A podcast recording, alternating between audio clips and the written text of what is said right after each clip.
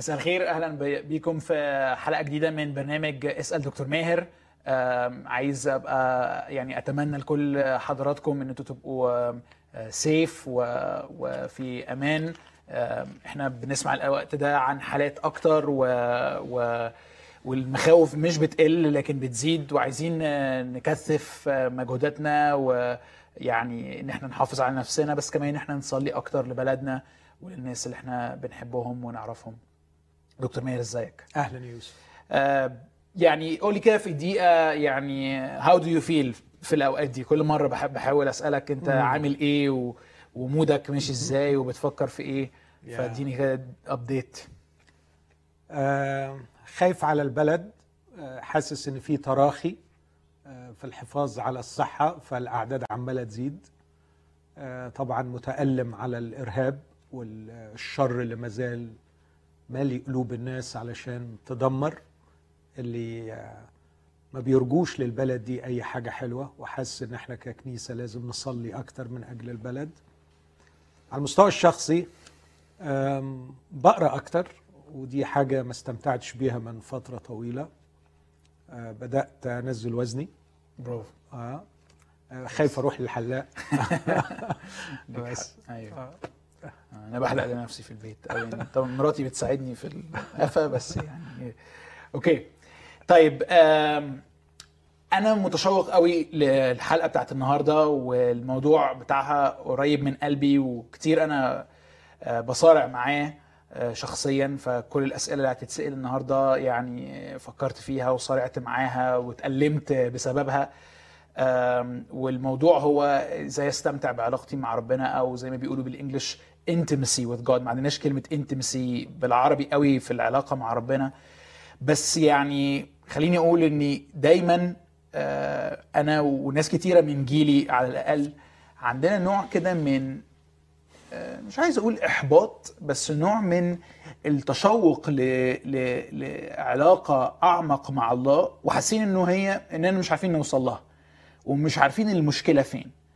وبصراحة أنا يعني ما لاقيش حد أحسن من حضرتك أتكلم معاه. يعني إحنا إحنا قريبين من بعض آه، أنا وأنت بقالنا أربع خمس سنين وأنا شفتك بتخدم كتير وخدمت معاك كتير وأظن أقدر أقول بثقة ومن غير مجاملة إن أنا بحس إن أنت بتحب ربنا قوي. يعني بتحب يسوع. و... و...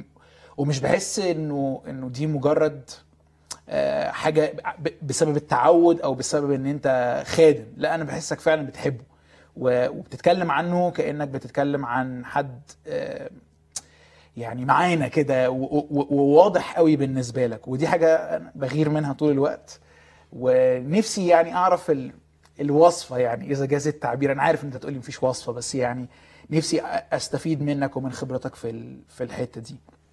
فخليني أبتدي كده بسؤال يعني أنا و- وقعدت كتير أفكر فيه. آه، هو طويل شوية فمعلش يعني سامحني. لا اتفضل.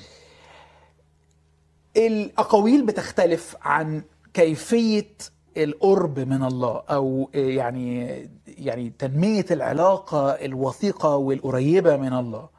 في ناس بتقول الكلمة يعني إيه إيه، ازرع نفسك في الكلمة وادرسها ده كلام الله ليك وكل لما تسمع تدرسه أكتر كل لما هتعرف الله مين أكتر وهتكلم هتعرف تتواصل معاه أحسن. في ناس بيقولوا لأ هي محتاجة يعني إنك تقعد في محضر الله كتير. ال- المخدع أو ال secret place الصلاة وإنه آه، يعني تقعد مع ربنا كتير. وأنا وأنا يعني فاكر من وأنا صغير بقرأ ال biographies بتاعت الأبطال الإيمان. مش من زمان قوي يعني من مثلا آخر 400 500 سنة. حاجة أساسية بتك... بت... يعني بتتكرر كتير إنه كلهم بيصلوا. وساعات يعني طويلة مش عارف إزاي بيعملوا الموضوع ده بس يعني أهو. في ناس تانية بيقولوا لا هي الدراسة. الدراسة هي اللي هتوسع مفهومك عن الله وعن الحياة وعن نفسك. فهتلاقي آه، حتت كتيرة تتواصل فيها مع ربنا يعني فيها. في ناس تانية بيقولوا العمل مع الله أو ال- أو الخدمة إن أنت تشوف أي حاجة بتعملها على إن هي ده شغل الله سواء بقى خدمة كنسية أو عملي في الحياة فلاقي برضو يعني نقط تواصل آه، مع الله. وناس تانية بيقولوا آه، آه، اجتماعات معينة أو خبرات روحية معينة أي حاجة من الحاجات دي. وكل واحد بيركز على حتة لكن الأغلبية هيقولوا أنه خلطة من الحاجات دي هتبقى حاجة من- مناسبة. دي ده الايه المقدمة زي ما حضرتك بتعمل طول الوقت. السؤال بقى كل العلاقات بتحتاج لمجهود ودي حاجة أنا موافق عليها. لكن في العلاقة دي بالذات يبدو في أوقات إن المجهود مهما كتر فهو مش كفاية. وكل بقى الناس اللي بيدافعوا أو اللي بيقدموا الوصفات دي أو الطرق دي بيبرروا ال... الإحساس أو الإحباط اللي بيجي للناس لما بيحاولوا وما بيوصلوش إنه هم ما صلوش كفاية أو ما درسوش كفاية أو إن هم ماشيين في الطريق الغلط أو إن هم بيبسطوا الأمور زي يعني بي... بيعملوا عذر كده معين. أشعر إنه الناس دي بيعج... بيعجزونا وبيحطوا لنا بار أو يعني مقياس أو هدف عالي قوي فلا يقع اللوم على الله بل عليا. كيف لا تصبح العلاقة مع الله حمل ثقيل يشعرني بالتقصير الدائم؟ حكيت لك قصة حياتي دلوقتي كده في ثلاث دقايق. يعني آه، مش عارف أبدأ منين يا يوسف القصة معقدة وكبيرة. لكن خلينا أقول إنه العلاقة مع الله هي أجمل شيء في هذه الحياة. يعني فالحياة تصبح آه، بلا معنى وعبء لا يحتمل ولا يطاق إذا خلت من أعظم شيء فيها وهو العلاقة مع الله. وفي نفس الوقت أكثر مجال في صراع وألم هو العلاقة مع الله. فالعلاقة مع الله it's not optional ما هياش اختيار لكي أكون إنسان ولكي أعيش حياة تستحق أن تعاش. فهي مهمة للغاية لكنها ليست سهلة. وده اللي أحاول إن أنا يعني أوضحه وأفكه شوية معاك دلوقتي. أنا بس عندي يعني خلينا أقول تحفظ على إنه أنا هناقش كل اللي أنت قلته على قد ما أقدر ولو أنا نسيت راجعني. لكن فكرة إنه حمل ثقيل عليا بتصبح العلاقة مع الله حمل ثقيل عليا لأنه دايما الناس بيشعروني القادة أو الخدام إني لم أفعل بالقدر الكافي. ما قريتش كفاية ما صليتش كفاية ما خدمتش كفاية. فسؤالي الكبير قوي أول ما قلت الكلمة دي خبطني. القدر الكافي لإيه؟ القدر الكافي. إمتى أقول إن ده القدر الكافي؟ وأخاف انه فكرة القدر الكافي ده إنها توصل لحالة من الرضا عن النفس. ودي مصيبة. لأنه ده جوهر الدين. فالديانة تدفع الناس آه، لممارسات كثيرة جدا واحيانا يبالغوا فيها من أجل يعني فائدة كبرى وهي الرضا عن النفس. إنك تبقى شاعر إنك راضي عن اللي أنت عملته. آه، المسيح على فكرة هدم الفكرة دي خالص. لما قال مهما عملتم فقولوا إننا عبيد بطلون الا اننا إنما فعلنا ما ينبغي أن نفعله يعني. فما أعتقدش خالص آه، إنه الغرض من العلاقة مع الله إنه أصل إلى حالة من الرضا عن النفس لأني ذاكرت كفاية أو درست كتاب كفاية أو صليت كفاية أو إلى آخره. أوكي. لكن خليني آه، أدخل معاك آه، أعمق شوية وأقول اللي أنت ذكرته آه، هو الطرق اللي ممكن الشخص ينمي بيها علاقته مع الله. صح. والمجالات اللي ممكن يبذل فيها المجهود. بس واضح جدا إنه اللي بيبذل المجهود هنا بيبذله بطريقة متعبة يعني مستثقل ال- المهمة دي. فأنا عندي سؤال قبل كده شوية. هو هو أنت في أي حاجة جميلة بتنجزها في الحياة؟ محتاجة مجهود لكن بتعمل المجهود ده وأنت بتشجع. يعني يعني مثلا لو أنت آه، عايز تلعب تنس كويس أنا عارف إنك بتحب التنس. آه، عايز تلعب تنس كويس. آه، علشان تلعب تنس كويس أنت لازم تتدرب وتتمرن كتير قوي. ولازم تخضع للمدرب ولازم تصحى بدري ولازم تروح له ولازم تظبط أكلك ولازم ولازم ولازم. فده مجهود كتير. لكن أعتقد إن أنت بتعمل المجهود ده بسرور. آه، ما بتبقاش آه، هو مش سهل لكن ما بتبقاش متضرر منه ما بتبقاش لأنك آه، في حافز. بس يعني أوكي دي نقطة كويسة. لما خليني أقولها كده لما بحس إن أنا ما عنديش مشكلة أو بالعكس بسرور بعمل المجهود اللي مطلوب علشان أبقى لعيب تنس كويس. بس لما باجي أعمل المجهود المطلوب لكي أكون مسيحي كويس مش بلاقي نفسي عندي نفس السرور ده بحس بالذنب وحاسس إن أنا في. حاجة غلط. صح. وأنا هنا دي النقطة اللي عايز أمسكها. هو ليه أنا علشان آه، أبقى لاعب تنس كويس بقيت يعني motivated عندي الحافز عندي ال motive عندي الدافعية إن أنا أبذل المجهود ده. في حين إنه علشان أحيا مسيحي جيد آه، ما عنديش نفس الحافز. فأنا سؤالي آه، محتاجين قوي قوي نفكر في فكرة الحافز ال motive. إيه اللي يخليك motivated إنك آه، تمارس ال- المجهود ده يا. علشان العلاقة مع الله. صح. أنا عارف إن هي ده الصح والمفروض بس لما باجي أعمله مش بلاقي يعني ما- ال... ما بتلاقيش روحك motivated أيوه بالظبط. ف... فايه اللي يخليني motivated إيه اللي يخليني متحفز؟ مش عارف أترجمها بالعربي. أيوه. أفضل من يعني إيه اللي إيه اللي يخلق الدافعية عندي؟ كلمة آه. صعبة يعني. آه. آه. نفسي جاي عليها. نفسي جاية عليها. حلو طيب. التعبير ده. آه، خليني أقول لك حاجة من من القديس أغسطينوس وبعدين حاجة من الفلسفة. أوكي. القديس أغسطينوس آه، قال إنه آه، الناس بصفة عامة وده على فكرة مش بس القديس أغسطينوس لكن من قبله في فلاسفة كتيرة قالوا نفس الكلام إن أنت بت- متحفز ونفسك جاية على الحاجة اللي هتخليك سعيد. فالناس في أعماقهم يبحثون في النهاية عن السعادة.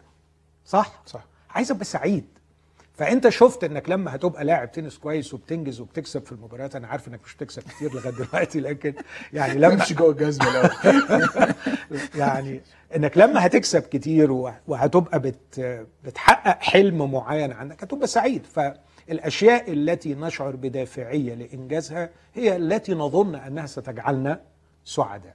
بس القديس أغسطينوس بيقول إنه بسبب السقوط بسبب التشوه بص وصفها إزاي؟ قال إنه ما نسعى إليه حتما نتصور أنه سيسعدنا. ونحن نلتصق بهذا الشيء نلتصق بهذا الشيء الذي نظن أنه أو الذي يسعدنا بيسعدنا فعلا.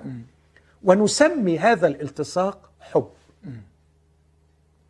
فلما تسأل الناس فعلا يعني إيه حب؟ أنا أعتقد إن التعريف ده دقيق. الحب هو أن تلتصق بالشيء الذي يسعدك. ده تعريف خاطئ للحب. أوكي. لكن القديس اغسطينوس قال ده اللي بيحصل وده الواقع ده اللي الناس ماشية بيه. ماشية بيه. فأنت بتلتصق بهذا الشيء لأنه يسعدك. بعدين قال بسبب الخطية لقد تشوهت محباتنا. فأصبحنا نحب ما لا ينبغي أن يحب ولا نحب ما ينبغي أن يحب. ونحب أكثر ما ينبغي أن يحب أقل. ونحب أقل ما ينبغي أن يحب أكثر. فكأنه في لستة من الحاجات اللي إحنا بنحبها بس الليستة دي بسبب السقوط باظت اتلخبطت. تشوهت. okay. فأنت ما بقتش يعني لاحظ بس فكرة السعادة مهمة هنا. لأن السعادة مرتبطة بالالتصاق. okay. فأنت تلتصق بما يسعدك وتسمي هذا الالتصاق حب. okay. فأنا محتاج أراجع منظومة محباتي. ما الذي محباتي الجمع. بالجمع. آه. ما الذي أحبه؟ وأكون أمين مع نفسي في تقييم هو هو القدر الذي أحب به هذا الشخص أو هذا الشيء هو قدر مضبوط؟ هل هذا الشيء يستحق الحب من الأصل؟ هناك أشياء تستحق الكراهية. يا محب الرب ابغضوا الشر مثلا. إنك تكون بتأذي حد إنك تكون بتجرح حد إنك تكون بتاخد ما لا يحل لك. يا محب الرب ابغضوا الشر. فأنا محتاج أراجع المحبات بتاعتي أوكي. التي تقود بي إلى الالتصاق بأشياء آه، خاطئة أو لا ينبغي أن ألتصق بها بهذا الحجم أو تبعدني عن أشياء ينبغي أن ألتصق بها واللي أهمها هو الرب. أوكي. آه، فأنا المفروض وهقرأ لك نصين دلوقتي أنا المفروض إنه أكون في حالة التصاق وده اللي انت يمكن عايز توصفه الانتمسي يس حالة التصاق مع الرب. وده تعبير كتابي. آه، لكن كمان أخد من الفلسفة حاجة لو تفتكر أنا قلت لك المرة اللي فاتت فكرة قالها هايدجر إنه ال- الخبرات لا نستثار إليها لا ندفع إليها بفرضيات. مش فرضية ولا فكرة آه، ولا منهج حتى. هو اللي هي هيشدني ل- ل- لخبرة معينة.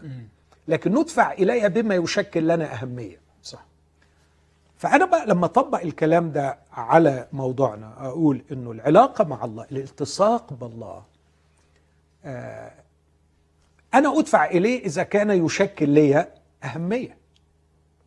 والواقع برضه بسبب الخطية أطبق نفس المبدأ.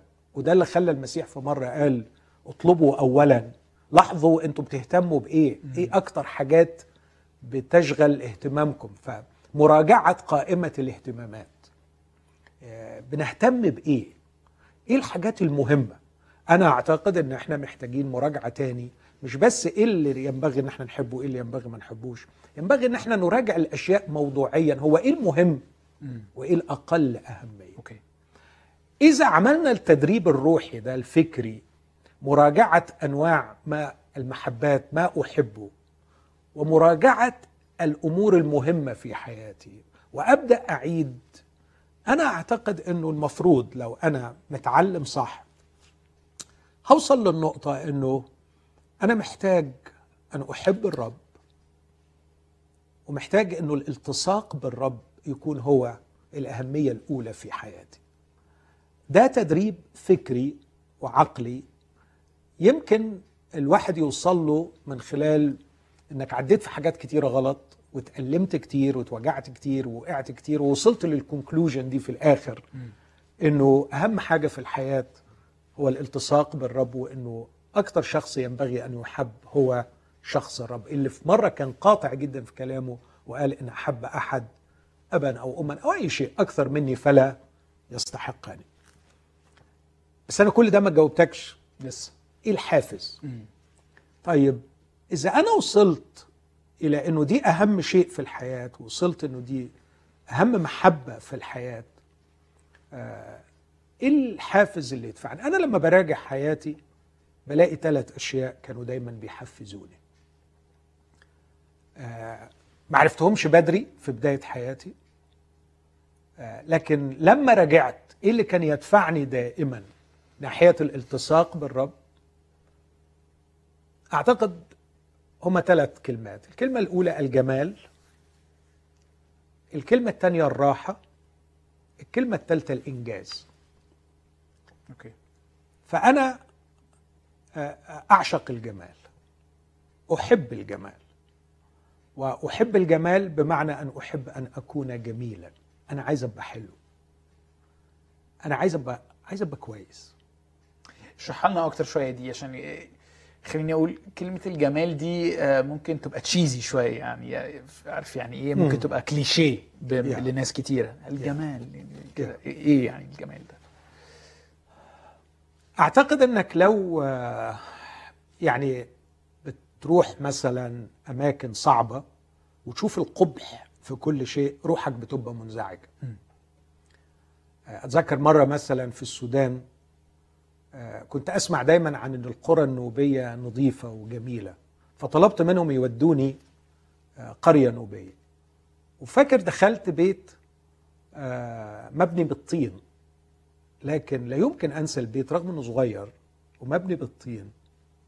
لكن كم النظافة وكم الترتيب وكم جمال الألوان أشعرني براحة عميقة. على العكس مثلا ممكن تدخل قصر لكن تشعر بالانزعاج تشعر بال... بالتوتر آه الذوق مش حلو الألوان مش كويسة. أنا أعتقد إنه ربنا خلقنا يا يوسف بغض النظر عن تعبيراتكم كشباب بقى إن دي تشيزي ولا مش تشيزي لكن أنا أعتقد ان ربنا خلقنا نحب الجمال نحب الشيء المرتب نحب الشيء الجميل نحب الشيء المتناسق وأنا أعتقد إنك توافقني إن كل جمال فيزيقي وراه جمال ميتافيزيقي يعني كل جمال في الطبيعة وراه خالق مبدع. كل جمال في مبنى معين وراه عقل مهندس أبدع. كل جمال في لوحة معينة وراه فنان تعب كتير. خليني أقولها لك بلغة تاني عشان تحس بيا شوية. آه، تخيل إنك أنت مثلا آه، بتفهم في اللوحات قوي. وبعدين خدت واحد فرجته على لوحة لمايكل أنجلو وقلت له على فكرة الراجل ده قعد في اللوحة دي عشر سنين يرسمها.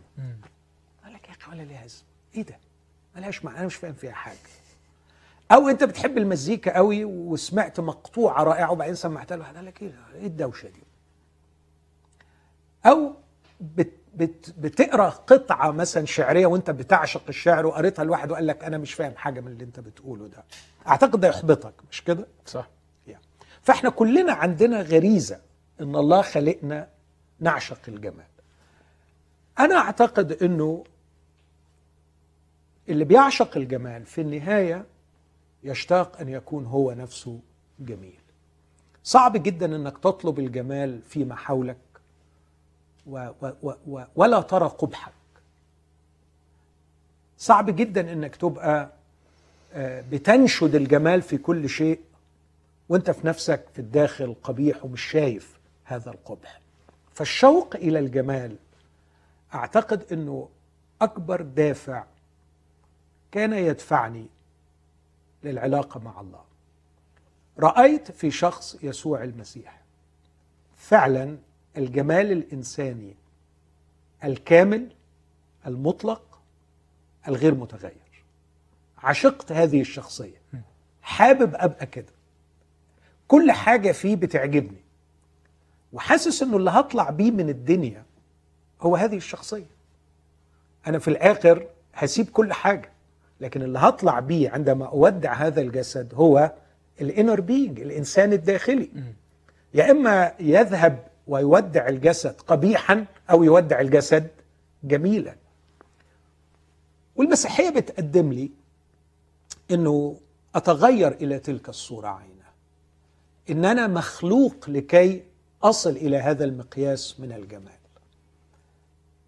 أعتقد إنه ده حافز ملموس يمكن قياسه حافز ممكن تلاقيه على الأرض لما تراجع حياتك انت كنت قبيح في إيه أو أنا كنت قبيح في إيه وبقيت جميل في إيه اتغيرت في إيه؟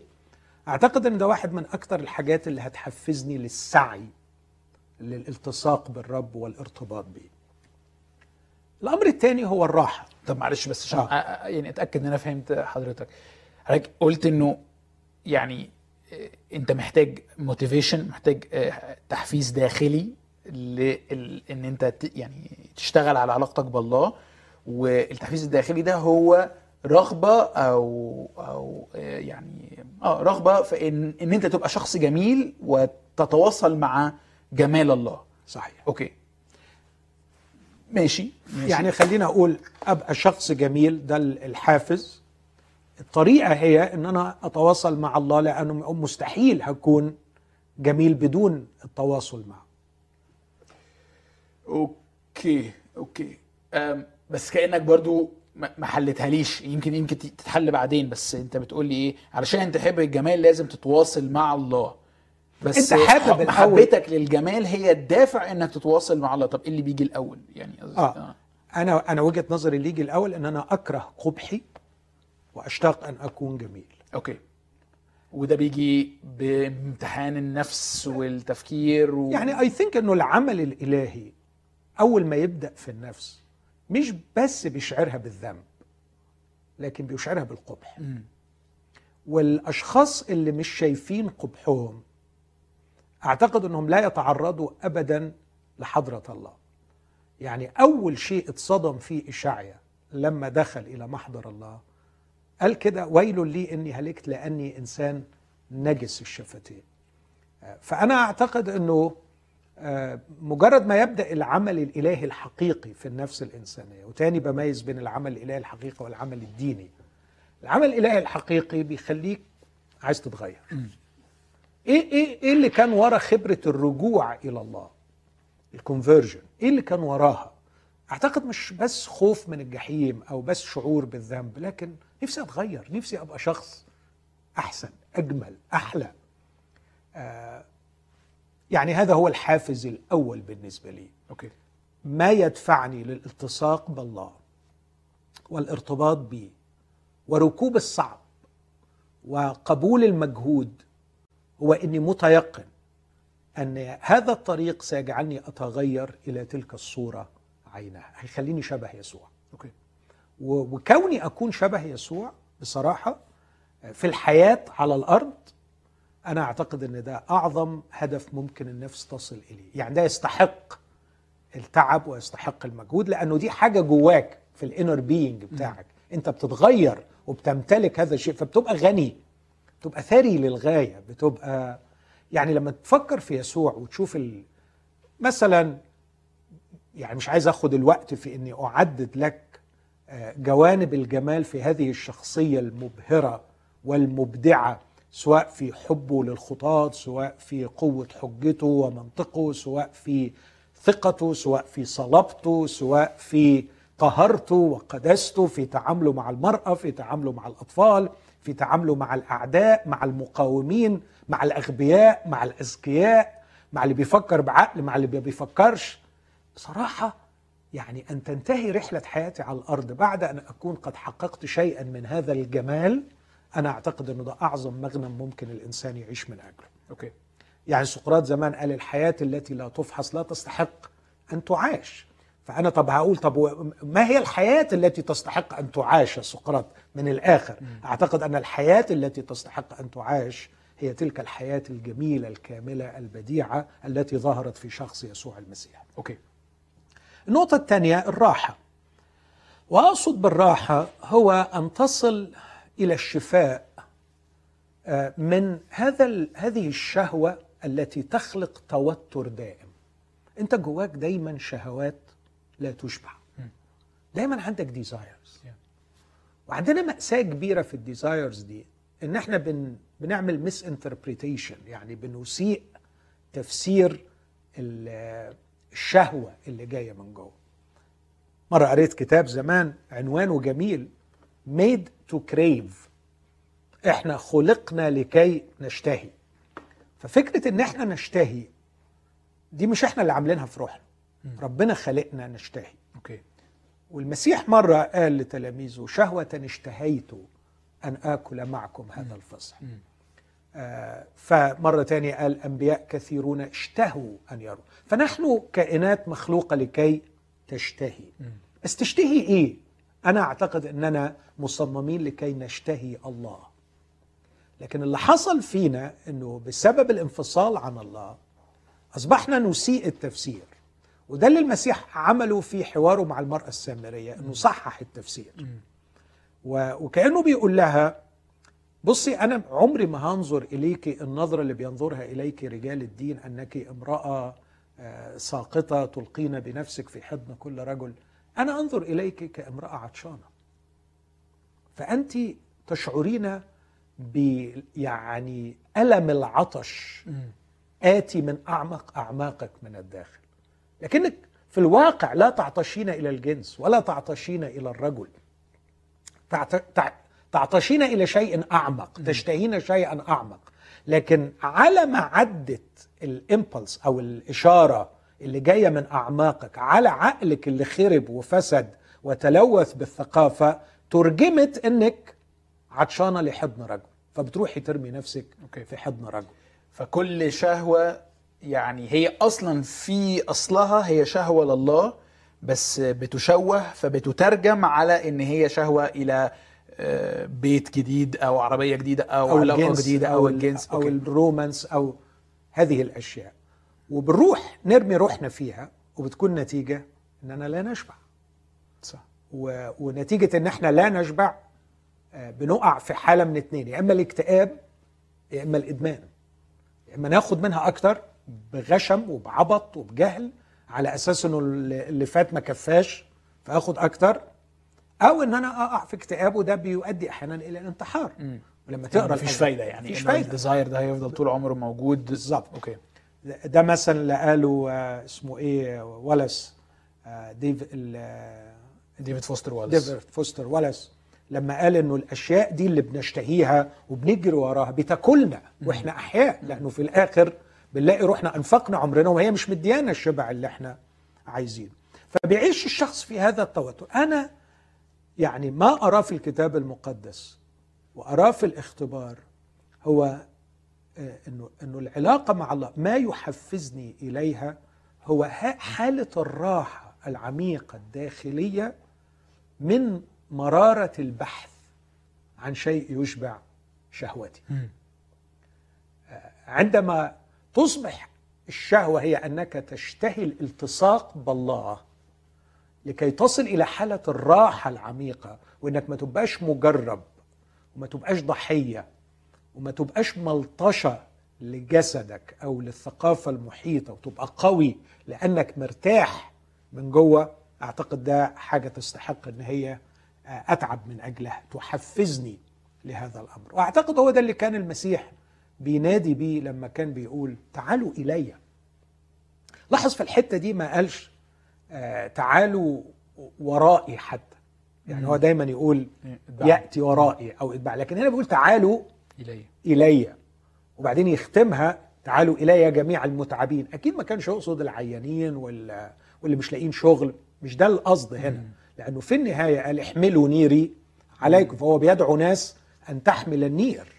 هي الناس اللي عايز أقول متقطعة من جوه يعني. بالظبط. كده. وبعدين ختمها بإيه؟ فتجدوا راحة لنفوسكم. آه هذا النوع من الراحة العميقة في الداخل اللي بيبقى فيه إشباع وشفاء من التوتر الباحث عن الإشباع. كتبت زمان عنه التوتر الباحث عن الإشباع هو سر التعاسة في حياتي. توتر دايما عايز اشباع ومش لاقي حاجة مم. تشبعه. المسيح يقول من يشرب من هذا الماء يعطش أيضا لكن من يشرب من الماء الذي اعطيه أنا. ده كلام حقيقي جدا. بيوصل النفس لحالة الراحة والاستقرار. طيب يعني ينفع أسألك هنا؟ sure? okay. ال... أنا فاهم النقطة بس يعني السؤال اللي في. اللي في بالي اللي هو هيبقى عن المحسوس versus الغير محسوس أو ال concrete المادي الملموس آه، في مقابل المجرد الروحي ال... ال... اللي في الهواء يعني يعني فكر في فكر في في كل ال... okay خليني أقول حضرتك بتقول إنه الحاجات اللي إحنا بنشتهيها في المادية في هذا العالم هي أصلا شهوة للراحة اللي بدون توتر اللي, بن... اللي أصلا المفروض ممكن نجدها في المسيح بس إحنا في حاجة لخبطت لنا الترمومتر بتاعنا ال mindset. آه ال mindset بتاعنا فبندور عليها في حاجة تاني بس في كل محاولة لاصلاح ال desires دي وتوجيهها للاتجاه الصحيح آه، لله نفسه أو ليسوع أو أو للرب يسوع أو كده خليني أقول إيه المردود أضعف في قوته عن المردود المحسوس ال concrete ال- يعني. الواضح أرد عليك. بنقطتين يعني. يعني أنا معترض شوية على فكرة الروحي الهوا يعني كأن الروحي ده حاجة ما- مش مش ontologic مش مش concrete ما هياش حاجة ملموسة. لا لا لا. الروحي ده شيء حقيقي جدا. لما أتكلم عن الجمال ده جمال هينزل على الأرض. جمال هيبقى حقيقي.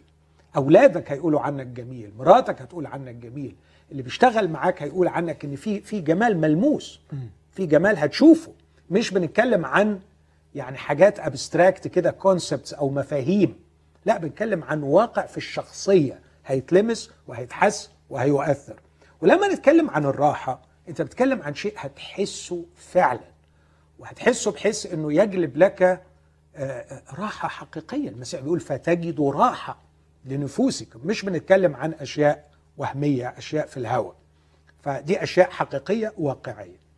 لكن الأمر الثاني اللي برضو يعني أوضحه إنه أكيد لما كو- تكون اتعودت على مخدر معين بيعمل لك دماغ معينة سريعة جدا ويسيبك بعديها في حالة من الإحباط والاكتئاب والشعور بالذنب وتبطله.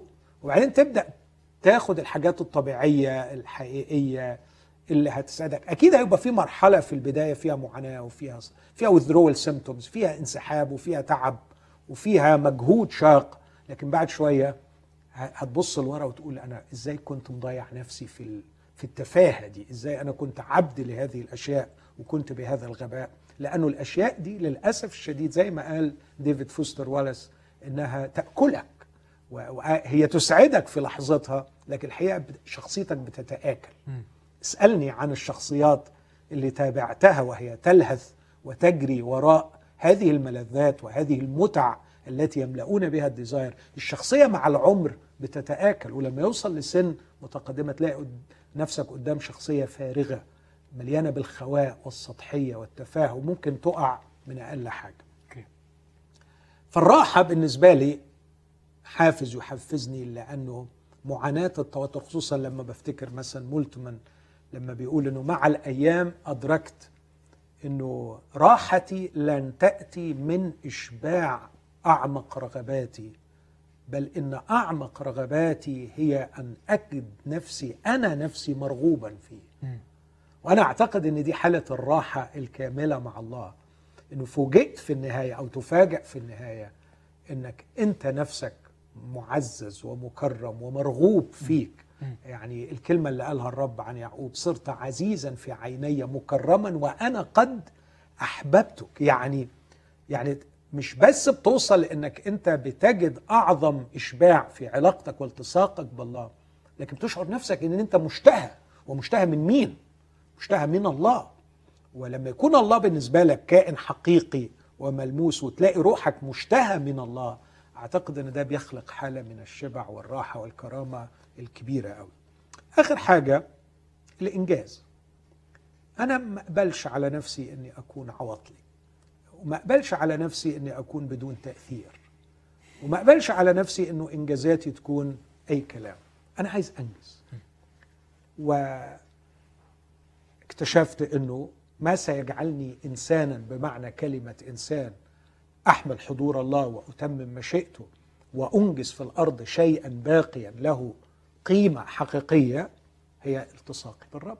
لأنه هو اللي هيقودني لاكتشاف دعواتي في الحياة وهو اللي هيخليني فعلا آه، أدخل في حاجات أنا ما كنتش عمري أعرف أخطط لها ولا أفكر فيها ويعطيني مواهب معينة ويقودني لإنجازات معينة تجعل الحياة لها معنى ولها قيمة. فلما بفكر في الثلاث حاجات دول آه، أقول إنه المجهود الذي سأبذله بسرور وأبذله راضيا وألاقي نفسي مش عارف أطلع من المجهود ده أنا بعمله بمتعة. أنا متحفز موتيفيتد ليه؟ لأنه عارف إن وراه مزيد من الجمال مزيد من الإشباع والراحة ومزيد من الإنجاز والتأثير. وده بيخلي الحياة لها قيمة ولها معنى. أوكي. طب ممكن يعني هقول تعليق على على الثلاث حاجات. أنا مستغرب إنه حضرتك ما ما ما, ما زودتش عنصر رابع اللي هو ممكن أسميه الاستمتاع. يعني الثلاث حاجات دول ثلاث حاجات في رأيي يعني حلوين وكلنا بندور عليهم في الدنيا دي. وحضرتك بتقول إنه دي legitimate desires يعني رغبات مشروعة آه لازم ندور عليها بس الرب يسوع هو اللي عنده الإشباع لكل الحاجات دي. هو آه، مصدر الجمال واللي هيخليني جميل هو مصدر الشبع واللي هيشبعني وهو كمان اللي لما أشترك معاه وأشترك في عمله هشعر بإنجاز وبتأثير وكل الحاجات دي. طب ليه ما نزودش عليها كمان ال... إنه أنا ابقى مستمتع بيه؟ يعني يعني ما دي برضو حاجة مشروعة. وما اكذبش عليك أنا بسمع ناس ساعات بيتكلموا عن علاقتهم بالله وقعدت معاه وانبسطت قوي وقال لي وقلت له وبص لي وبصيت له وشفته وشفت شاف يعني بشعر انه إنه بيتكلموا عن ربنا بلغة في فيها يعني إيه ناس مبسوطة مش بس ناس مستفادة ومستريحة أو متمزج يعني يعني لا يعني آه، مش شايف لوحه جميلة ومبسوط بيها لا يعني هو نفسه مستمتع بالقعدة. وأنا بحس إن أنا ما عنديش الاسبكت ده من من في العلاقة. فساعات أحس يا إما الناس دي بتبالغ أو مش بتبالغ ما عند يعني بتوصف حاجة مش دقيقة ما عندهاش كلام توصفه بيه فبتستخدم كلمات زي المتعة أو كده أو ممكن تبقى بتكذب أو إن أنا في حاجة غلط وهم اللي تمام يعني يعني فاهمني؟ يعني أنا أعتقد القديس أغسطينوس آه، كتب عن المتعة اللي ممكن تستمتع بيها في العلاقة مع الله. أنا بس يعني عندي كم فكرة بخصوص الموضوع ده.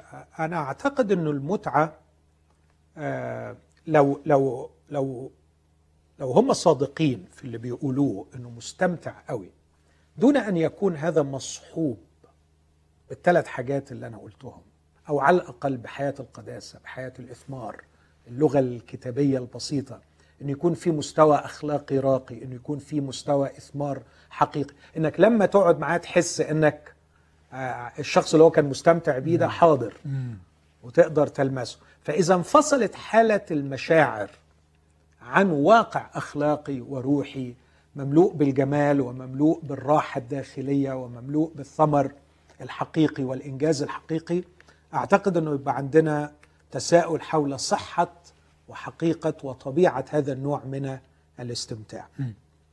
النقطة الثانية المتعة دايما بشوفها بتيجي by-product يعني تيجي منتج جانبي مش جانبي. آه مش منتج الأساسي آه يعني المتعة حلاوتها أن تفاجئك ف- فعندما تنجز عندما تشبع عندما آه، تصل إلى التغيير كنت بتصارع مع آه، خطية معينة وانتصرت أو كنت تصارع مع صفة مش مش حلوة فيك واتغيرت أو إن الله يستخدمك استخدام معين فالمتعة تفاجئك. لكن ما هياش ما أعتقدش انه الغرض في العلاقة مع الله هو إن إحنا بس نستمتع. بس هو الفرق ما بين المتعة والثلاث حاجات التانيين دول إنه الثلاث حاجات دول خلينا أقول لونج تيرم يعني النتيجه يعني حاجات طويلة المدى إن ربنا يصنع مني شخص جميل إني أشعر بالإنجاز وإنه حياتي ليها معنى وقيمة إني آه أرتاح. إني, إني أرتاح. كل الحاجات دي يعني معتمد على فترة زمنية طويلة واستمرارية. المتعة في حد ذاتها لا. يعني دي, دي خليني أقول إيه دي ممكن الحاجة اللي تصبرني على الثلاث حاجات دول. يعني وأنا بلعب تنس لو هو ده التشبيه اللي إحنا هنستخدمه. وبخسر وحالتي حالة بس المتعة اللي بحسها وأنا بلعب في الملعب هي اللي بعدين تديني القدرة اني على مدى طويل اظبط اكلي على مدى طويل انام بدري على مدى طويل اتمرن وأروح اعمل حاجات دمها تقيل علشان العب احسن. فاهم دي بقى ضعيفة أو أو صعبة الوصول إليها مع الله.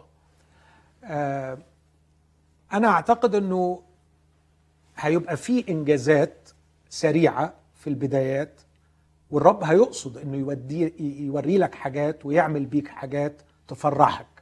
لكن ما تتعودش على كده. يعني لازم تقبل يعني ما هو أنت لو ما بدأتش النهارده رحلة ال- ال- الألف ميل دي وإنك تمشي ويكون ده غرضك مش هتمشيها. وبالتالي عمرك ما هتستمتع متعة حقيقية في النهاية. فأنا أعتقد إنه لازم تبدأ. لكن ده ما يمنعش إنه في البداية بيكون مع كل مرة قضيت معاه وقت مع كل مرة قريت الكلمة مع كل مرة استنرت مع كل مرة استخدمني. آه، بيحصل شيء من ال- الريورد ال- المكافأة السريعة اللحظية لكن مش بالقدر اللي كافي. أنا معاك في كده بس أيوة. لازم أستمر أكافح وأجاهد حتى في غياب المتعة من أجل هذه الأهداف ال- الكبيرة. طيب عشان بس أقول لك يعني الخبر الوحش إن إحنا لسه في أول سؤال فإحنا غالبا هنكمل حلقة تاني في الموضوع ده. بس عارف يا دكتور ساعات بحس إنه إيه طب مم- ممكن حد يقول لي خلاص بص يا يوسف ده ده آخر ال الشعور. فما تدورش على حاجة أكتر من كده أو ما تعليش طموحك عن كده عشان ما تحبطش وأستمر في الثلاث حاجات دول. اللي بيتعبني أنا مقتنع بالثلاث حاجات دول وعايز أكمل فيهم بس اللي بيتعبني إنه في ناس بتقول إنه يوجد أكثر أو Yeah. يوجد شيء مختلف أنت يا يوسف ما وصلتلوش. بص يا يوسف يعني آه، أنت تعرضت غالبا للناس دي كتير قوي. أنا ما تعرضت لهمش قدك. أنا مشكلتي اللي تعرضت لهم آه، هم ال- آه، مثلا تعرضت للشخصيات الكتابية والحقيقة ما شفتش عندهم ال- اللي انت كل واحد. اصحابه بقى يا دكتور يعني. يعني يعني أنا لما بقرأ المزامير لما بقرأ اشعياء لما بقرأ ارميا مثلا الناس دي كانت شايلة الطين في أوقات كتيرة قوي من علاقتها مع ربنا. الناس دي عاتبت ربنا ولامت ربنا ولما تقرأ صلواتهم وتقرأ اللي كتبوه أنا لما برجع أقرأ حتى أنا my يعني ال journals بتاعتي لما بقراها أنا كتبت إيه؟ إيه إيه ده؟ إيه ده؟ إزاي ربنا استحملني؟ إزاي ربنا طايقني؟ آه ف أنا خايف إنه يكون في شيء غير واقعي في اللي بيتقال لك. آه، آه، أنا اعتقادي إنه كلمة ربنا والشخصيات الكتابية ما ما بتقولش قوي الكلام اللي أنت بتقوله. يعني مثلا يوصفه في أسمى الحالات يوصف حالة شوق شديد إلى الله ولم يشبع بعد فهو مشتاق إلى الله وباحث عن هذا الإشباع في الله. لكن كتير قوي في حياتهم صراع وألم ومعاناة كثيرة وشكوى كثيره الحاجة الثانية لما قريت قصص حياة آه، رجال الله في التاريخ الناس اللي آه، قرينا صراعاتهم وألمهم برضو ما فيش ال- الكلام يعني شوية. أنا أخاف من حاجة بقى أخاف أنا بقول إن دول في علاقة مرات يعني ممكن أستعمل التعبير ده علاقة مع فريد مش مع ربنا. وفريد فريد؟ الصديق الخفي الوهمي. فأنا يعني ألخص كل أحلامي أو أتوقع إن كل أحلامي ستتحقق من خلال صديق معين هيشبعني وهيحقق لي كل الأحلام بتاعتي وأسميه أي اسم اسميه ربنا أسميه يسوع. فتبص لهم وهم بيتكلموا عن يسوع. ما بقدرش امنع نفسي أحيانا كطبيب نفسي انه بيتكلم عن صديق وهمي. آه، والدليل بتاعي اللي قلته لك في البداية خالص انه آه، هذه الحالة من الهيام والحب والعشق لي كان لازم تترجم على أرض الواقع في تغيير في جمال الشخصية، تغيير أخلاقي، تغيير روحي، في إنجاز حقيقي على الأرض حصل، في في حاجة ملموسة تقدر تشوفها، تحس إن الناس يعني ما ينفعش بعد هذا الهيام الرهيب تبص تلاقيه بيشتهي امرأة. ما ينفعش.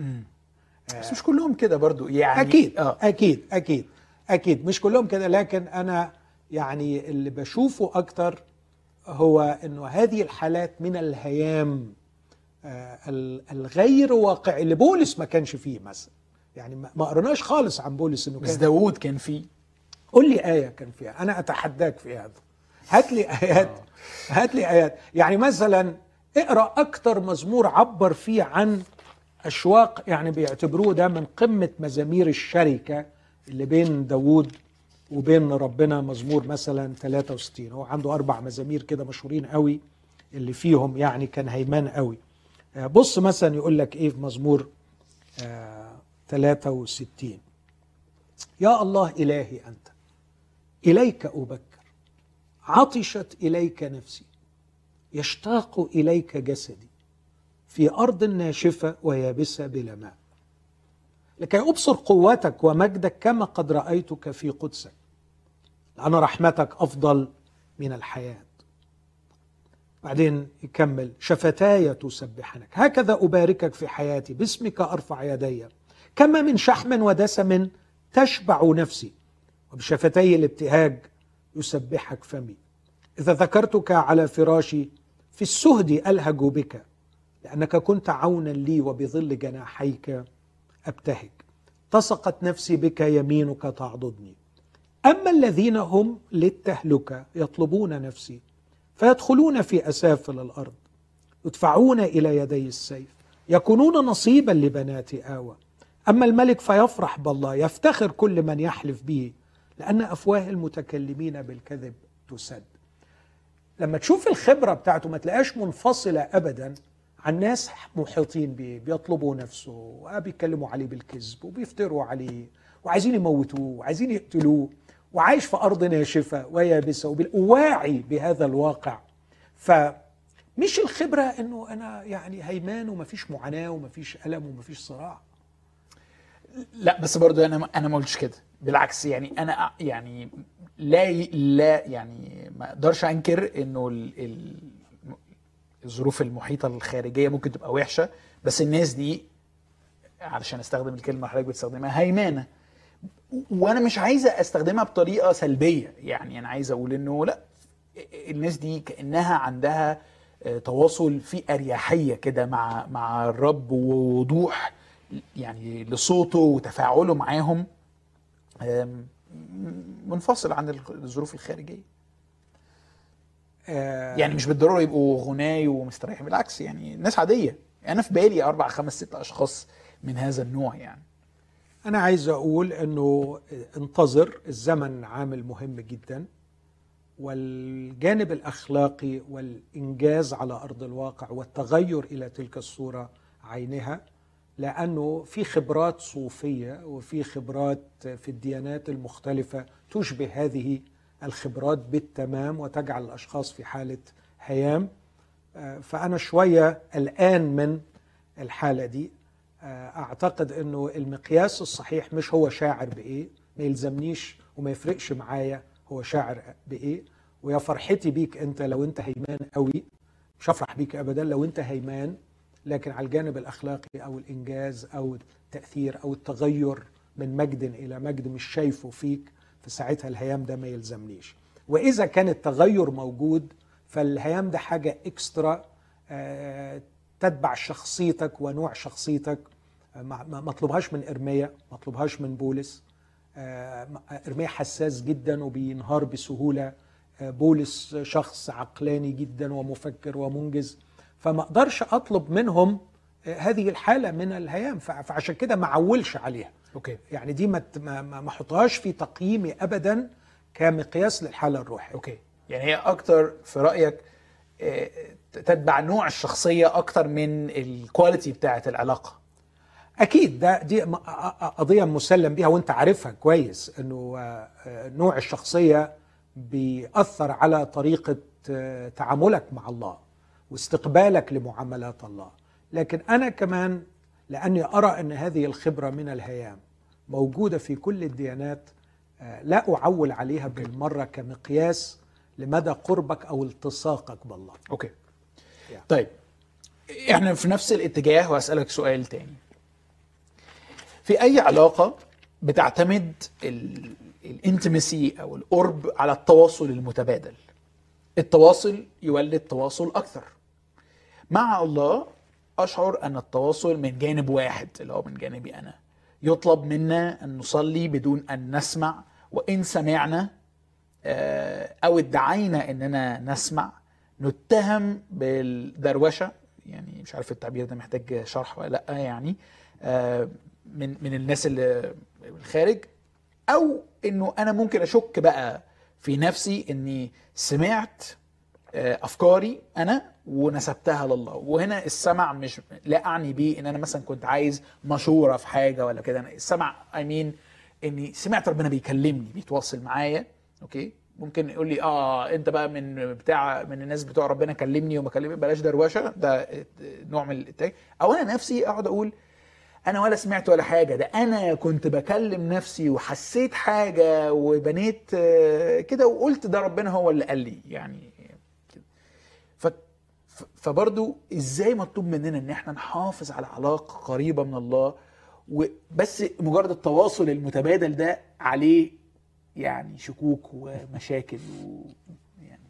طيب يعني أنت النهارده بتجيب لي كل الأسئلة الصعبة. أيوه أنا كالعادة طيب اسمح لي أقول في خطأين في اللي أنت قلته لو تسمح لي يعني. لا أسمح لك مفيش مشكلة. لا.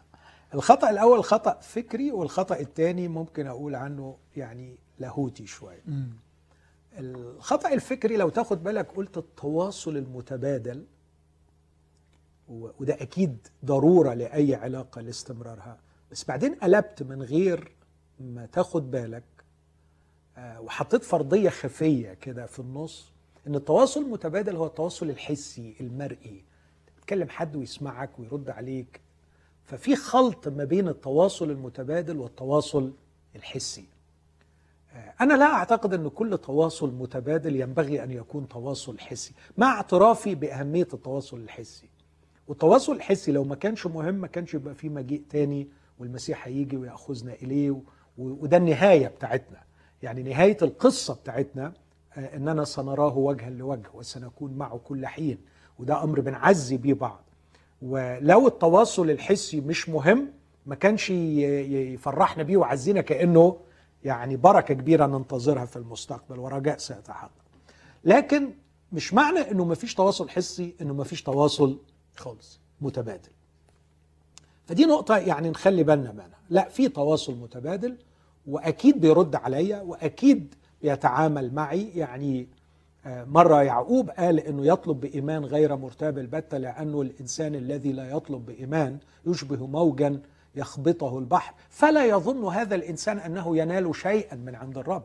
يعني في أشخاص بيبقى الرب رد عليهم وأعطاهم أشياء بس هم مش مدركين حتى إنه دي من الرب لأنه مش قادر يستمتع بالتواصل المتبادل. فالتواصل المتبادل لا يعني ابدا التواصل الحسي مع إقراري بأهمية التواصل الحسي. لكن كمان عندي عندي مشكلتين مع التواصل الحسي. ياما فكرت في الموضوع ده وياما صارعت معاه وياما اشتهيته. وياما صرخت لربنا إنه يدهوني. لكن كنت دايما أفتكر حاجتين. وكأن صوت الله يقول طب واللي هم تمتعوا بالتواصل الحسي خدوا إيه؟ فقدامي حالتين كبار قوي حالة في العهد القديم وحالة في العهد الجديد. لم يكن هناك تواصل حسي في كل التاريخ أقوى وأعظم وأعمق من تواصل الله مع بني إسرائيل. تواصل الله مع بني إسرائيل كان مخيف في حجم الحسية والمادية اللي فيه. مش عايز أقعد أعدل لك عشر حاجات تحس فيها قد إيه التواصل الحسي يكفي إن كل يوم الصبح السماء بتمطر أكل. فأنت عايز إيه أكتر من كده؟ أنت ما بتقدرش تتحرك ولا تنتقل إلا لما تشوف سحابة قدامك على خيمة الاجتماع بترتحل فأنت بتقوم ترتحل ورا إن كل ليلة بيجي لك عمود نور يحل علشان ينور لك الدنيا. وكل يوم الصبح يطلع لك عمود سحاب عشان يضلل عليك. يعني مفيش تواصل حسي أكتر من كده. وماذا كانت نتيجة هذا التواصل الحسي؟ لم تتغير قلوبهم ذرة واحدة ناحية الله. ما فيش أي انجذاب ما فيش أي تغيير أخلاقي ولا روحي في الداخل بحيث إنه يشتهي هذا الإله. آه لكن كان في رفض وكان في صد لله المعلن بتواصل حسي. الأمر الثاني هو الخبرة بتاعت التلاميذ. التلاميذ قعدوا أكثر من ثلاث سنين مع المسيح في تواصل حسي يعني. يعني الناس مشيت على المية والناس شافت المركب وهي هتغرق وبعدين يقوم ينتهر الريح والناس شافت العازر وهو بيقوم وكلموه ورد عليهم فكان قاعد لدرجة إن بطرس لما كان بيقول نختار واحد بدل يهوذا يقول من الذين آه، دخل الذين كانوا معنا كل الوقت الذي فيه دخل إلينا الرب يسوع وخرج وأكل وشرب معنا. يعني كان واحد مننا يعني. السؤال بقى على ما خلصت الثلاث سنين من التواصل الحسي كان إيه أخبار التلاميذ وإيه حجم التغيير الأخلاقي والروحي الذي حدث فيهم؟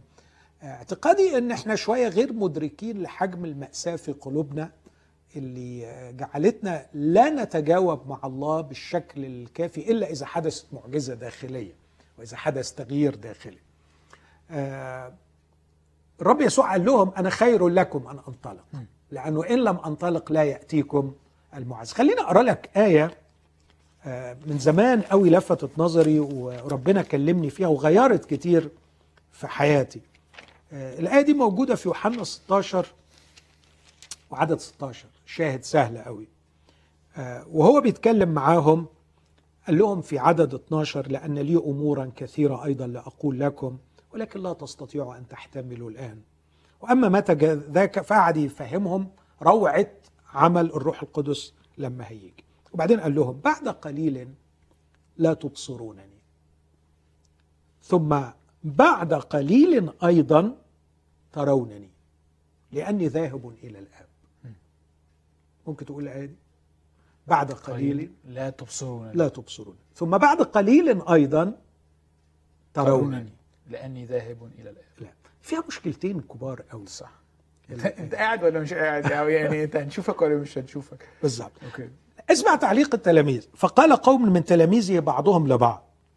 ما هو هذا الذي يقوله لنا بعد قليل وبيقولوا الكلام. بعد قليل لا تبصرونني ثم بعد قليل أيضا ترونني. ولأني ذاهب إلى الآب؟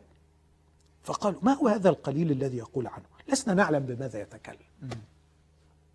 ده حال التلاميذ. والرب بيقول لهم الحكاية. أنا كتير ببقى في الوضع ده عمال مش فاهم حاجة.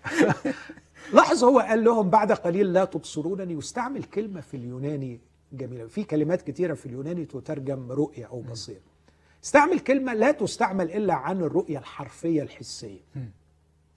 بعد قليل لا تبصرونني رؤية حسية حرفية. لكن بعد كده قال لهم وبعد قليل أيضا ترونني استعمل كلمة عن الرؤية الروحية. يعني استعملت مثلا في آيات كثيره لما يقول آه، بيلاطس أبصروا أنتم. مش أبصروا أنتم يعني لكن دوروا لكم على حل. لكن الأكثر بقى يقول وبعد قليل ترونني مش لأني آتي. المنطق يقول بعد قليل تروني لأني آتي. لكن يقول لأني ذاهب ذاهب إلى ابي إيه معنى الكلام؟ وده اللي لخبطهم. إزاي تقول لنا هتشوفوني عشان أنا ماشي؟ تشوفوني عشان أنا جاي. أيوه. لكن تشوفوني ان أنا ماشي لأن هو يقصد انه لما هيمشي هيرسل الروح القدس وبقوة الروح القدس هيشوفوه. أوكي. فيبقى اذا المسيح كان عارف إنه مفيش تواصل حسي. وعشان كده ادينا الروح القدس. عشان كده ادانا الروح القدس علشان نقدر نتواصل مع تواصل متبادل متبادل بس على المستوى الروحي مش المستوى الحسي. فدي مشكلتي مع التواصل الحسي. لكن كمان عايز أقول لك حاجة بقى فكر فيها. هو الناس المتواصلة حسيا مع بعض سمنة على عسل يعني؟ يعني أنا ممكن أحكي لك كتير قوي عن ناس بتتواصل بالكلام والأفكار والى آخره. لكن في النهاية اللي بيحكم نجاحهم في حالة التواصل ليس مجرد التواجد الحسي بعضهم مع بعض لكن انسجام الشخصيات من الداخل. فكر فيها. Okay. يعني لو فكرت انت. ومراتك. فال... فالعامل الأساسي لنجاح العلاقة إذا جاز التعبير مش الت... مش كيفية التواصل لكن نوع الأشخاص اللي بيتواصلوا بالظبط كده. وانسجامهم مع بعض. بالظبط كده. Okay. ال inner being الكائن الداخلي في كل واحد فيهم. فكونك كونك انت وندى موجودين مع بعض في مكان واحد وبتشوفوا بعض باستمرار مش هو ده اللي يضمن التواصل الجيد ما يضمن التواصل الجيد هو حالتك الإنسانية الداخلية وحالتها الإنسانية الداخلية. لكن بقى لما نيجي طب التواصل الروحي بقى ده ده يعني سهل كده و لا مش سهل. وهو ده المجهود وهو ده اللي كنت بقول لك عليه في النقطة الأولانية لما بقول لك إحنا بس محتاجين نتحفز الأول. أيوه. وبعد ما نتحفز كنت أتوقع منك السؤال طيب أعمل إيه بقى؟ طب خلاص عايز أبقى جميل عايز أبقى شخص راقي شخص رائع شخص قوي شخص حلو عايز أبقى زي يسوع. وعايز أبقى مرتاح من جوه أجد راحة لنفسي اللي وعد بيه يسوع. وعايز بصراحة قبل ما تنتهي حياتي على الأرض أحلم إني أقول زي بولس أكملت السعي حفظت الإيمان. هيقول لي نعمة ويل دان عايز عايز أبقى كده. إيه اللي أعمله؟ من وجهة نظري إن التواصل الروحي العميق في غياب وجود الرب بالجسد هنا محتاج كذا حاجة. محتاج اولا نقاوة القلب. متى متى ست متى خمسة؟ طوبى الانقياء للأنقياء القلب لأنهم يعين. يعاينون الله. المعاينة هنا إيه؟ روحي روحية مش حسية. بس مشروطة بإيه؟ نقاوة القلب. شيل بقى يوسف. سي قوي النقاوه هنا معناها ال- القداسة يعني إيه نقاوة القلب هنا؟ نقاوة القلب نقاء الدوافع. آه، إحنا قاعدين بنعمل البرنامج ده ليه؟ آه، إحنا بنخدم ليه؟ إحنا بنروح الكنيسة ليه؟ إحنا بنقرأ الكتاب ليه؟ هل ممكن كل الحاجات الجميلة دي يكون وراها دوافع شريرة؟ Yes أيوه. وراها دوافع شريرة قوي. هؤلاء يمارسون كل الأمور الروحية ويدخلون في علاقة مع المقدسات وينجزون وينجحون فيها دون أن يروا الله. لأنه ما فيش نقاوة في الدوافع. Okay. فنقاوة القلب هي نقاوة دوافع على قد ما وال- فاهم. والدافع النقي إنه أنا عايزك أنا بدور عليك أنت مش مثلا بحاول أعمل لنفسي اسم أو إن أنا أغطي ذنبي أو يعني هي دي نوع الدوافع اللي حضرتك بتقصدها الغلط؟ عايز ألتصق بيك. Okay. كانت وصيته في تثنيه احفظ الشاهدين دول تثنيه 10 20 وتثنيه 30 20 Okay. تحب الرب إلهك وبه تلتصق. النهاردة الصبح شفت الكلمة دي به تلتصق. لقيتها في العبري دبق. وهي نفس الكلمة اللي قال يترك الرجل أباه وأمه ويلتصق بامرأته. بولس استعملها وقال من التصق بالرب فهو روح واحد بس استعملها طبعا باليوناني لكن هي الكلمة دي دبق. ولقيتها هي دبق بالعربي برضه. فدبق يعني التصق به التصاقا شديدا. فنفس الكلمة في العربي والعبري. فالدافع الرئيسي إني أريد أن ألتصق بالرب من أجل الأشياء الجميلة اللي أنا حكيت عنها. فدي نقاوة القلب. آه، طهارة ونقاوة الدوافع اللي بتخليني فعلا مش عايز شيء لنفسي مش عايز أستغل الآخرين مش عايز آه، مجرد مكسب شخصي أو أو حاجة من الحاجات دي. الأمر الثاني إرهاق العقل والخيال في التفكير في الله. إنك تعمل عقلك وخيالك في التفكير في الله. كتير كنت أتخانق مع ربنا. يعني هو أنا مش هعرف أمسكك إلا من خلال عقلي وخيالي. هو هو ما فيش حاجة كده يعني أمسكها بإيدي. ودي ودي يعني الحتة دي ملمسة في الجزء من السؤال اللي لسه ما تطرقناش إليه إنه وان ايفر أو أي وقت أعمل فيه أو أمارس مجهود عقلي أو خيالي علشان أتواصل مع ربنا على طول يطلع جوايا سؤال ما يمكن ده أنا ما يمكن أنا اللي بقول لروحي وبستنتج لكن أنا في الآخر أنا بسمع نفسي الكلام اللي أنا عايز أسمعه. هاجي لك للنقطة. أوكي. هاجي لك. لكن محتاج قوي أتعلم أن أمسك بالله بعقلي وخيالي لأن عقلي وخيالي هم أهم وظائف روحي. وظائف الروح هي العقل والخيال. فعندما تمرن عقلك وخيالك يعني مثلا لما يقول الخي... معلش اوصف لي الخيال عشان كلمة الخيال بتجيب في دماغي إنه أنا بتخيل أي بتخيل حاجات وهمية مش حقيقية. إيه الخيال هنا؟ يعني أنت لما بت بتقرأ عن يسوع في الاناجيل ألا يترك هذا في ذهنك خيال معين عنه؟ آه بتصوره كده يعني شكل صوت وهكذا. آه يعني أنا ألاقي كتير نفسي مثلا وأنا بكلمه من غير ما أشعر ألاقي إنه أنا متجه لشخص ليه صورة معينة مرسومة في خيالي من الأناجيل. أوكي. آه، أو أحيانا من العهد القديم. يعني مثلا مش من الأفلام يعني.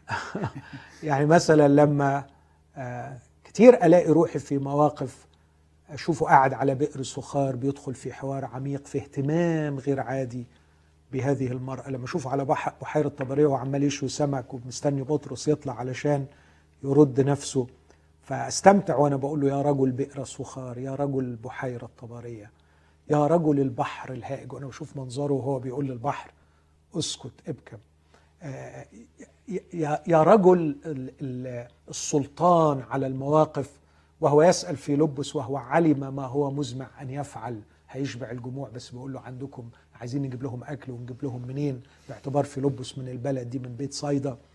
فبيمتحنوا. آه، صور آه، وده حلو إنك تنقي خيالك دايما وت- وتقرأ الكتاب بتخيل علشان الصور دي تفضل في خيالك. لما تقرأ مزمور الراعي وتردده ويفضل في ذهنك صورة الراعي اللي بيحمل الخروف الضال بتاعه ويرجع بيه فرحان كل القصص دي في غاية الأهمية. أعمال العقل والخيال بلاقي آيات كتير قوي بتشجعني عليه. لما يقول جعلت الرب أمامي في كل حين. يعني إيه أجعل الرب أمامي في كل حين. هذا عمل العقل والخيال. لأنك ما تقدرش تمسك الرب وتحطه قدامك يعني. لكن بت- بتركز أنت عقلك وخيالك على الرب. لما يقول في عبرانيين ثلاثة آه، واحد لاحظوا رسول اعترافنا ورئيس كهنته يسوع. في ال NIV يقول focus your thoughts ركز تفكيرك. لما يقول ناظرين إلى رئيس الإيمان ومكمله. focus your eyes أو your sight على يسوع. فأعمال العقل والخيال في غاية الأهمية إنك أنت تركز عشان تقدر تتواصل معاه. لكن بعد كده بقى وده المهم قوي إنك لازم تراجع كل تخيلاتك وأفكارك واستنتاجاتك على كلمة الله على الكتاب المقدس. وده يستلزم منك تعمق في قراءة الكتاب وفهم الكتاب مش بس مع نفسك لكن كمان في مجتمع الإيمان. آه فده إجابتك على سؤالي. Yes okay إن هو أعرف منين إن أنا مش مش بسمع روحي يعني الكلام اللي أنا عايزه. يعني لازم تراجع اللي أنت ب- بتسمعه مع نفسك مع اللي سمعوه غيرك من أخواتك المؤمنين مع اللي قاله الرسول بولس مع اللي قاله عموس مع اللي قاله ميخا.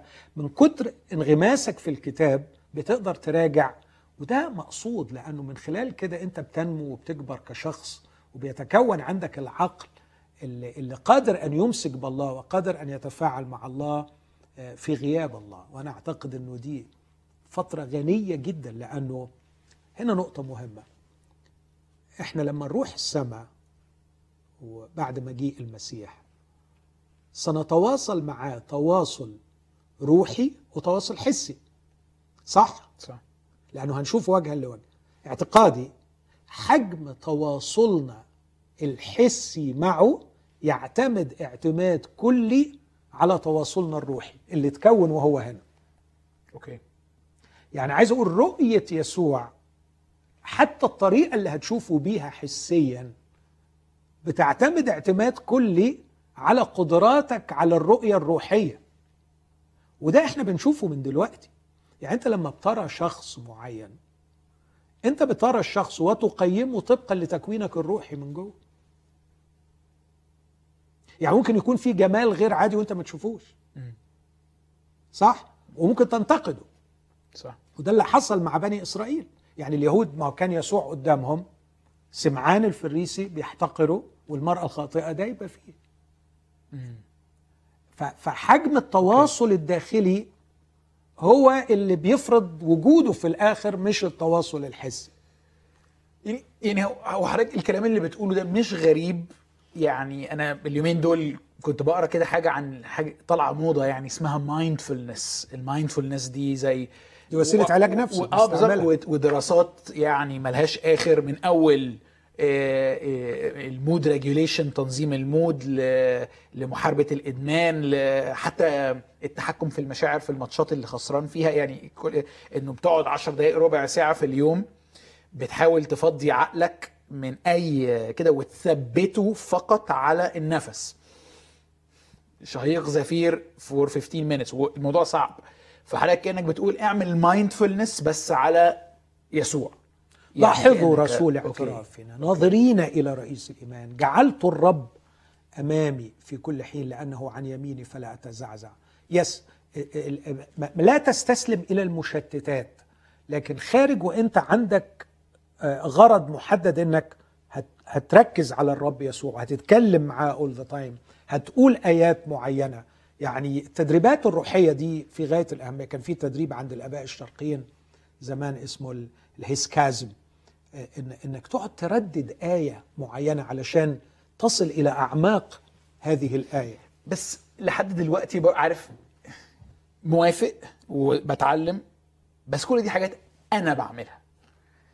ك- و- و- و- يعني إيه؟ أنا عارف إن أنت هتقول لي يوسف أنت ما بيعجبكش العجب ولا الصيام في رجب عشان أنت هتقول لي دلوقتي إنه أنت دايما تقول لي إديني حاجة أعملها وأنت اديتني حاجة أعملها. بس كأني عايز أقول إنه غرض السؤال ده إنه أنا نفسي في حاجة هو بيعملها. وتبقى بالنسبة لي واضحة ولا تحتمل التأويل. وما تحتملش إنه حد بعدين يجي يقول لي أنت بس مدروش أو أنا أشك في روحي بعد كده. طيب تسمح لي أقول لك إن أنت غرقان في اللي هو بيعمله بس ما بتشوفش؟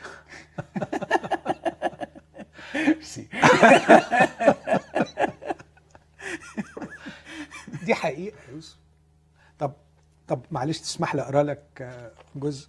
أنا ما اقصدش انت يعني. أيوه أيوه. يعني أقصد إنه ممكن قوي نكون غرقانين فيما يعمله الله ويتكلم به إلينا ويحاول أن يجذب انتباهنا بس الكيان بتاعنا من جوه لم لم يعد لم لم يصبح بصيرا بالقدر الكافي ولا حساس بالقدر الكافي لكي يلتقط صوته ولكي يلتقط ملاحظاته أو يلتقط حتى تعبيراته عن محبته أحيانا. مرات بيبقى عايز يعبر لنا عن محبته. بس ما بنسمعش وما بنحسش لأنه من جوه في في آه، كلس. يعني ما ما خلينا مش قادرين نحس. كلس ده ال- يعني كلس اللي بولس استعملها يقول أغل- غلاظة قلوبهم. okay. ده الكلمة اليونانية كلس. يعني في في تكلس.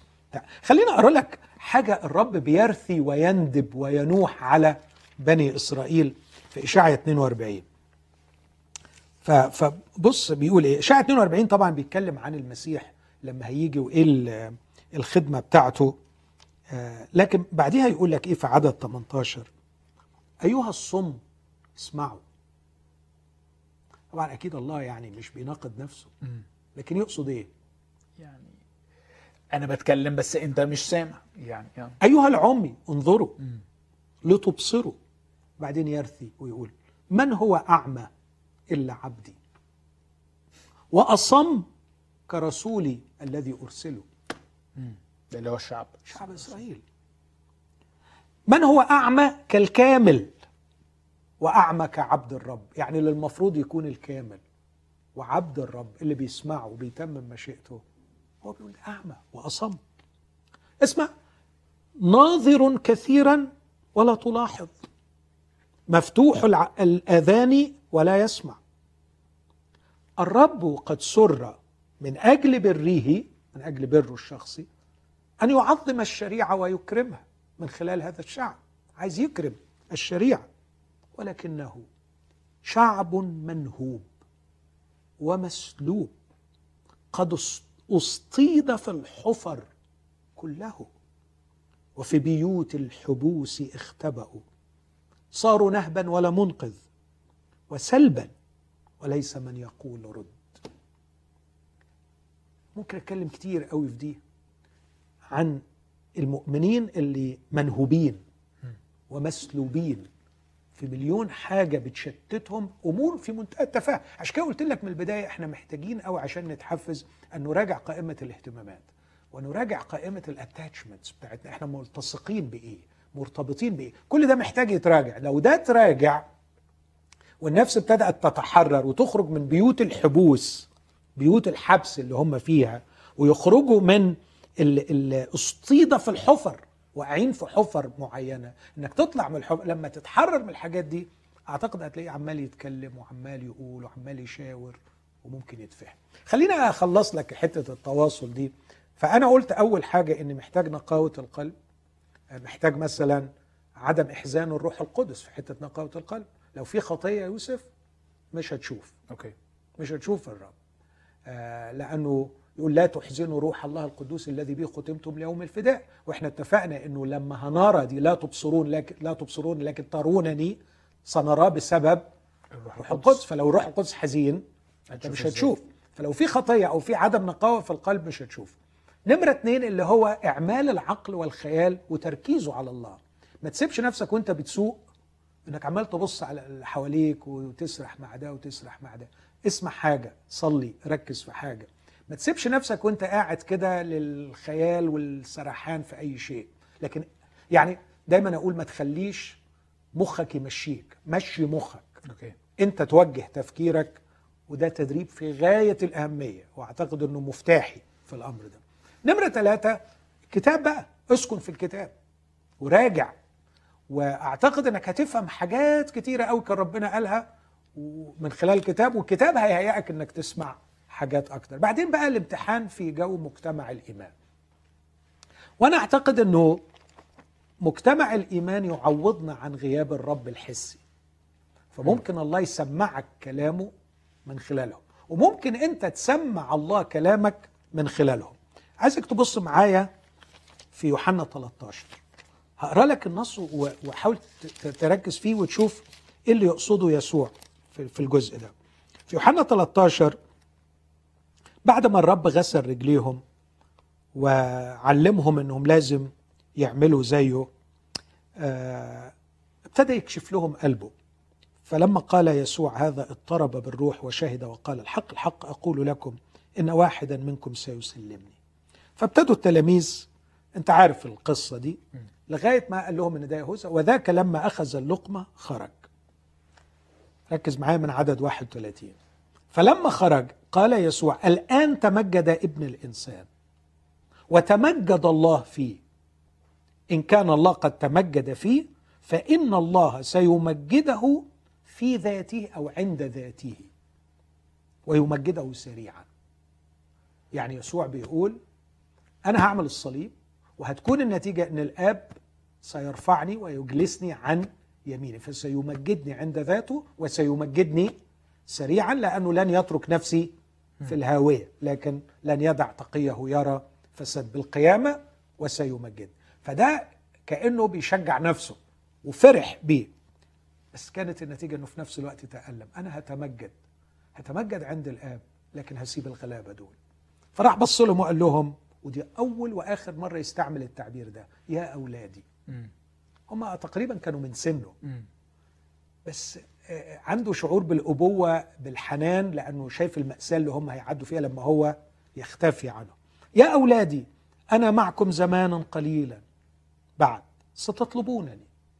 وكما قلت لليهود حيث أذهب أنا لا تقدرون أنتم أن تأتوا؟ أقول لكم أنتم الآن. أنا ماشي ومش هتشوفون بس بص الكلمة اللي بعديها. وصية جديدة أنا أعطيكم. أن تحبوا بعضكم بعضا.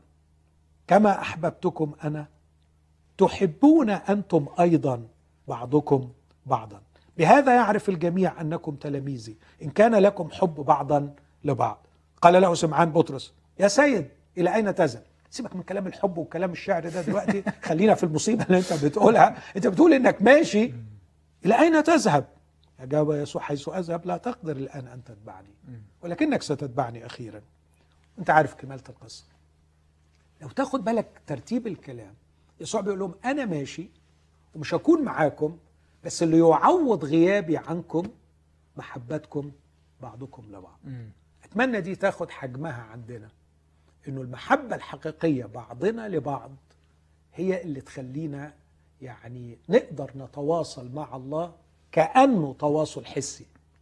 فالعلاقة المجتمعية المسيحية ضرورية لعلاقة شخصية حقيقية؟ بدون أدنى شك ستسمع الله من خلال إخوتك وستحب الله وتعبر له عن حبك وتخدمه في إخوتك. مم. عايز حلقة لوحدها ال- الموضوع ده يعني على طبعاً. بعضه. طبعا. okay. لكن بدون إخوتي أنا غايب عن الرب والرب غايب عني. okay. okay. انا فأنا المسيح هو عمل التصميم ده. مقترن قلوبكم في المحبة لكل غنى يقين الفهم وأنتم متأصلين ومتأسسين حتى تدركوا مع جميع القدسين يعني لابد من الالتحام والارتباط مع المؤمنين لكي أوصل صوتي إلى الله وأستمع إلى صوت الله. أوكي. آخر حاجة أقولها لك بحكاية الدروشة والشكوك. آه، لو ثلاث دقايق. لو حد اتهمك بالدروشه مش عيب من حقك لأنك ممكن تكون متدروش. تمام. بس بطرس عمل إيه مع الدروشة؟ لما قعدوا يتكلموا بألسنة الناس قالت لهم إيه؟ أنتوا بتدروش. أنتوا سكارى. لماذا امتلأتوا سلفا فراح لهم رد عليهم رد منطقي جدا إنها الآن الساعة الثالثة في النهار. ما ينفعش حد يسكر دلوقتي. والحاجة الثانية إنه هذا ما قيل بيوئيل النبي. ففي رد منطقي ورد كتابي. فلو حد قال لك أنت بتتدروش خد ال- الاتهام بكل احترام وبكل تقدير وراجع نفسك على المنطق وعلى الكتاب. مم. هل اللي أنا فيه ده دروشة؟ فعلا. ممكن يكون دروشة. وعلى فكرة كتير من اللي بيحصل في المسيحية دروشة. أوكي. فمش غريب ابدا. الحاجة الثانية شكوك. تشك. من حقك مليون مرة تشك. واشكر ربنا لأجل الشك. مفيش أي مشكلة إنك تشك. بس روح بالشك بتاعك للرب. وده اللي عمله جدعون. قضاه ستة. جدعون راح للرب وقال له لا ما هو ده كلام كبير عليا أنا مش قادر أصدقه. إديني علامة أكد لي. والرب ملتزم إنه يأكد لك. لا تعرف بقى في قضاه سبعة مش هو اللي قال للرب إديني علامة. الرب يقول له تعالى يا جدعون إن كنت خائف إن كنت خائف خد غلامك وانزل إلى محلة المديانين وهناك هتسمع كلام وهم بيقولوا لبعض عشان تتشجع. فإذا يعني اتهمت بالدروشه اخذه باحترام. إذا أنا شعرت بالشكوك أحترم هذه الشكوك وأذهب بها إلى الرب وحقي عليه إنه ياكد لي okay طيب. يعني ال- الخبر الكويس إنه إنه في حاجات كتيرة حضرتك فتحتها لي. خبر الوحش إنه الحلقة دي كانت تقريبا كلها مقدمة يعني لكل الأسئلة اللي لسه موجودة على الموضوع ده. لأنه من ناحية أنا عارف حضرتك عايز قوي ت system لنا دماغنا من من حيث التوقعات من حيث بندور على إيه من حيث نفسنا في إيه أصلا آه، ما هو تعريف العلاقة مع رب مع, مع الله الحقيقية. بس ما أقدرش أنكر إنه الموضوع ده بالذات ليه جانب آه، عملي قوي. وأنا أحب إنه المرة الجاية نقضي وقت آه، يعني طويل إن إحنا نتكلم عمليا أكتر. إزاي أوازن ما بين مشاعري وعقلي؟ إزاي فعلا أتعلم من الناس اللي حواليا؟ إزاي أقدر أطور حياة الصلاة بتاعتي بشكل آه، عملي؟ فأنا عايز أشكرك على كل حاجة حضرتك آه، شاركتها معانا لحد دلوقتي. للأسبوع الجاي إحنا هيبقى عندنا حلقة تاني عن آه، ال- العلاقة مع الله والانتمسي with God. وابعتوا لنا أسئلتكم على سليدو. هنحاول إن إحنا نضمها أكتر ويعني نحطها في الأسئلة آه، بتاعتنا. وعايز أشجعكم إن إحنا زي ما دكتور ماهر قال نركز أفكارنا على المسيح نسكن في الكلمة ونحاول إن إحنا ما نبقاش مشتتين لكن نقود أفكارنا.